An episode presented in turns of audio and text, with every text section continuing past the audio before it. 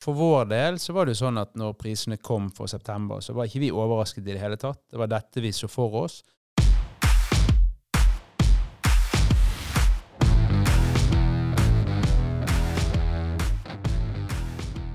Velkommen tilbake til eh, Boligrådet.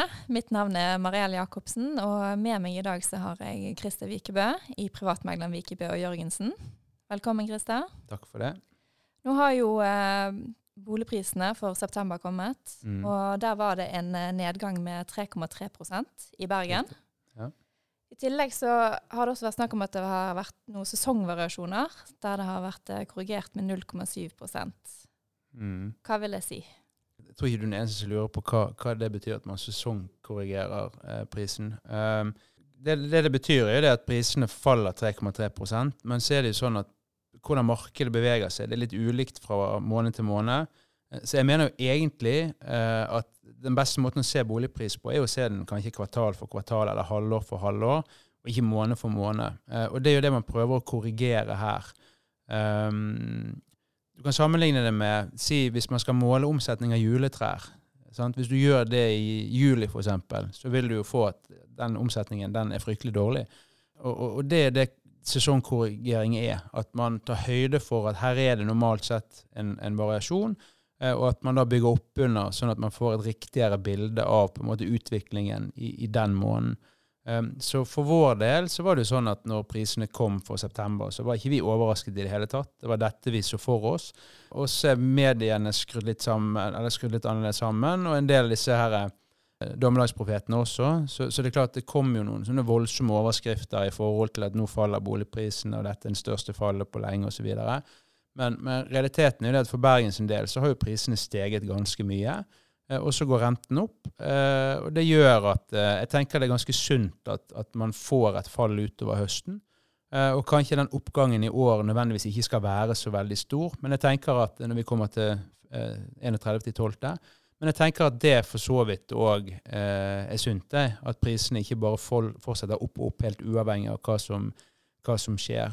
Men når det er sagt, så tenker jeg heller altså sånn, det er ikke veldig dramatisk det som foregår heller. Fordi at disse rentehevingene og inflasjonen og dette er ting som man vet om, som på en måte man priser inn i, i markedet, og så tar det litt tid før man får effekt. Eh, men det er klart det er ikke mulig å, bygge boliger noe rimeligere enn det vi selger de for i dag.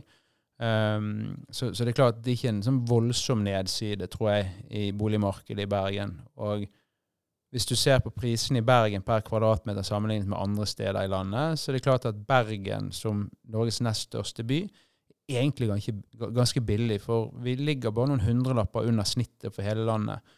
Eh, Og vi ligger 30 000 kroner under Oslo, f.eks., på, på kvadratmeteren.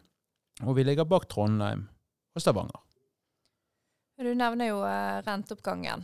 Mm. Eh, hva vil det ha å si for salg av bolig nå i høst? Eh, så du kan si i, i september så, så begynte vel kanskje begynte man kanskje å merke at det var en liten endring i, i markedet. Eh, men salgstiden i Bergen er jo fortsatt ganske rask, eller egentlig veldig. 17 dager det er kjapt.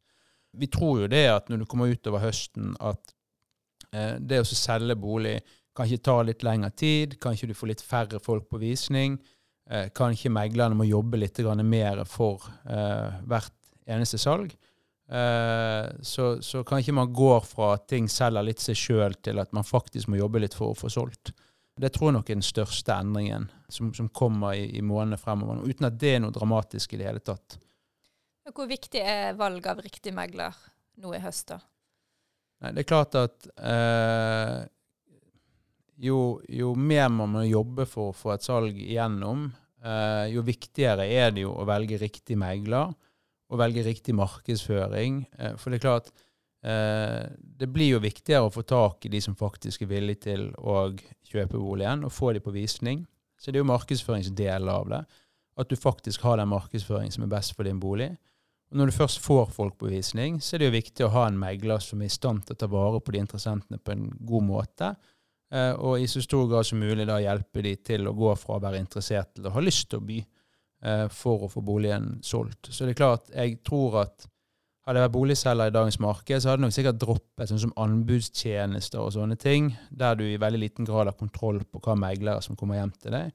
Og heller i mye større grad eh, hørt med venner, bekjente, kollegaer som har solgt før, om de har meglere de kan anbefale, eller hvis du på noen gode visninger eller ser noen boligannonser at du liker, at du faktisk i mye større grad eh, plukker ut noen meglere som du har lyst til å ha hjem til deg. Eh, for det er klart forskjell på å ha en god megler og en som er middels eller kanskje ikke så god. Eh, den vil du nok merke i økende grad fremover i månedene som, som, kommer nå, uten at måte, det blir noen sånn dramatisk nedgang. For det tror jeg ikke i det hele tatt. Men jeg tror f.eks. salgstiden vil kunne variere. Altså sånn at du Noen vil sikkert selge millioner av prisantydning på første visning, mens andre kanskje ikke får solgt. Jeg kan si jeg når jeg sto opp i dag morges, så så jeg hadde fått en e-post klokken 06.22 eh, fra en som har hatt en bolig ute i markedet og hatt fem visninger uten å få solgt. Eh, og lurer på muligheten for å bytte megler. Så jeg tror at det er noe som vi i større grad kommer til å oppleve. Eh, og, og, ja, som sagt, jeg senest i dag, sant? en som ikke får mm. solgt, som, som da ønsker å prøve en annen megler. Um, så nei, det er klart det å velge riktig megler, det tror jeg er utrolig mye viktigere nå enn det det f.eks. var i mai i år. Men hva vil markedsføre, altså hvor viktig er det med god markedsføring når man skal selge bolig?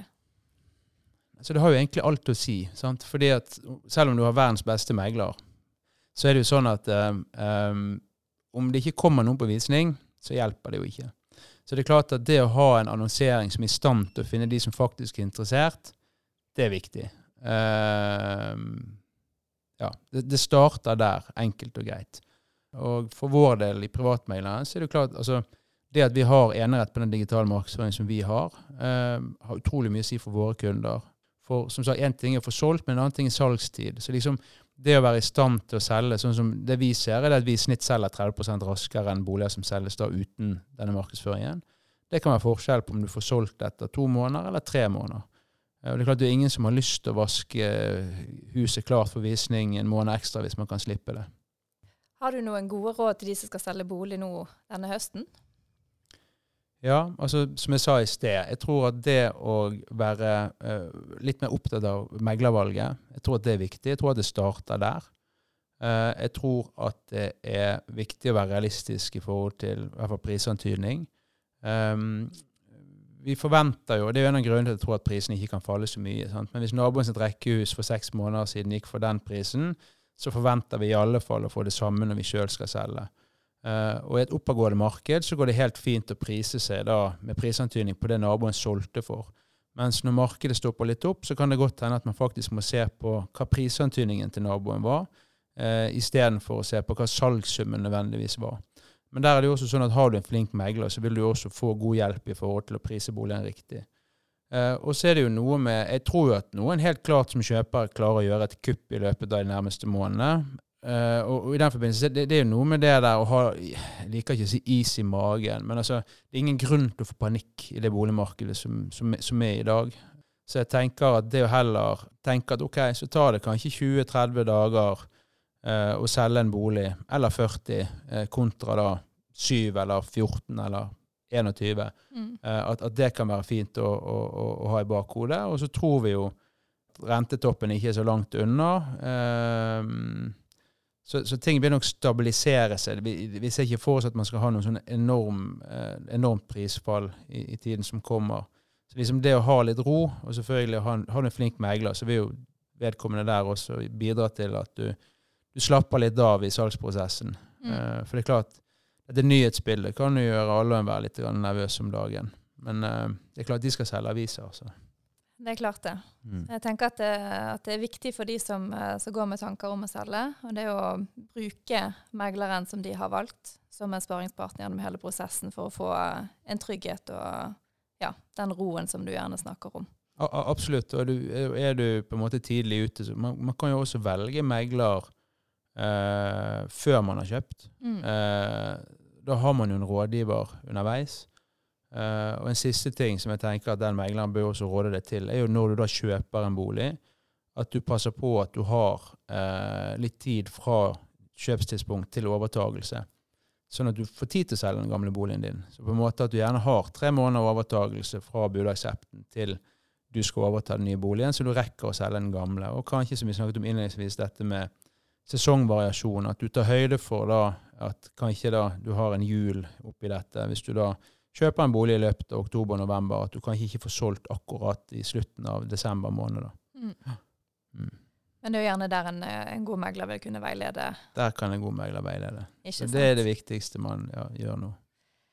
Veldig fint, Christer. Da, da, tenker jeg at vi har uh, dekket de fleste spørsmål man gjerne må ha om, uh, om bolighøsten. Mm. Og med det så takker jeg for mye, så mye for tiden din. Takk. Og så ja. takker vi for oss her i studio. Takk for i dag.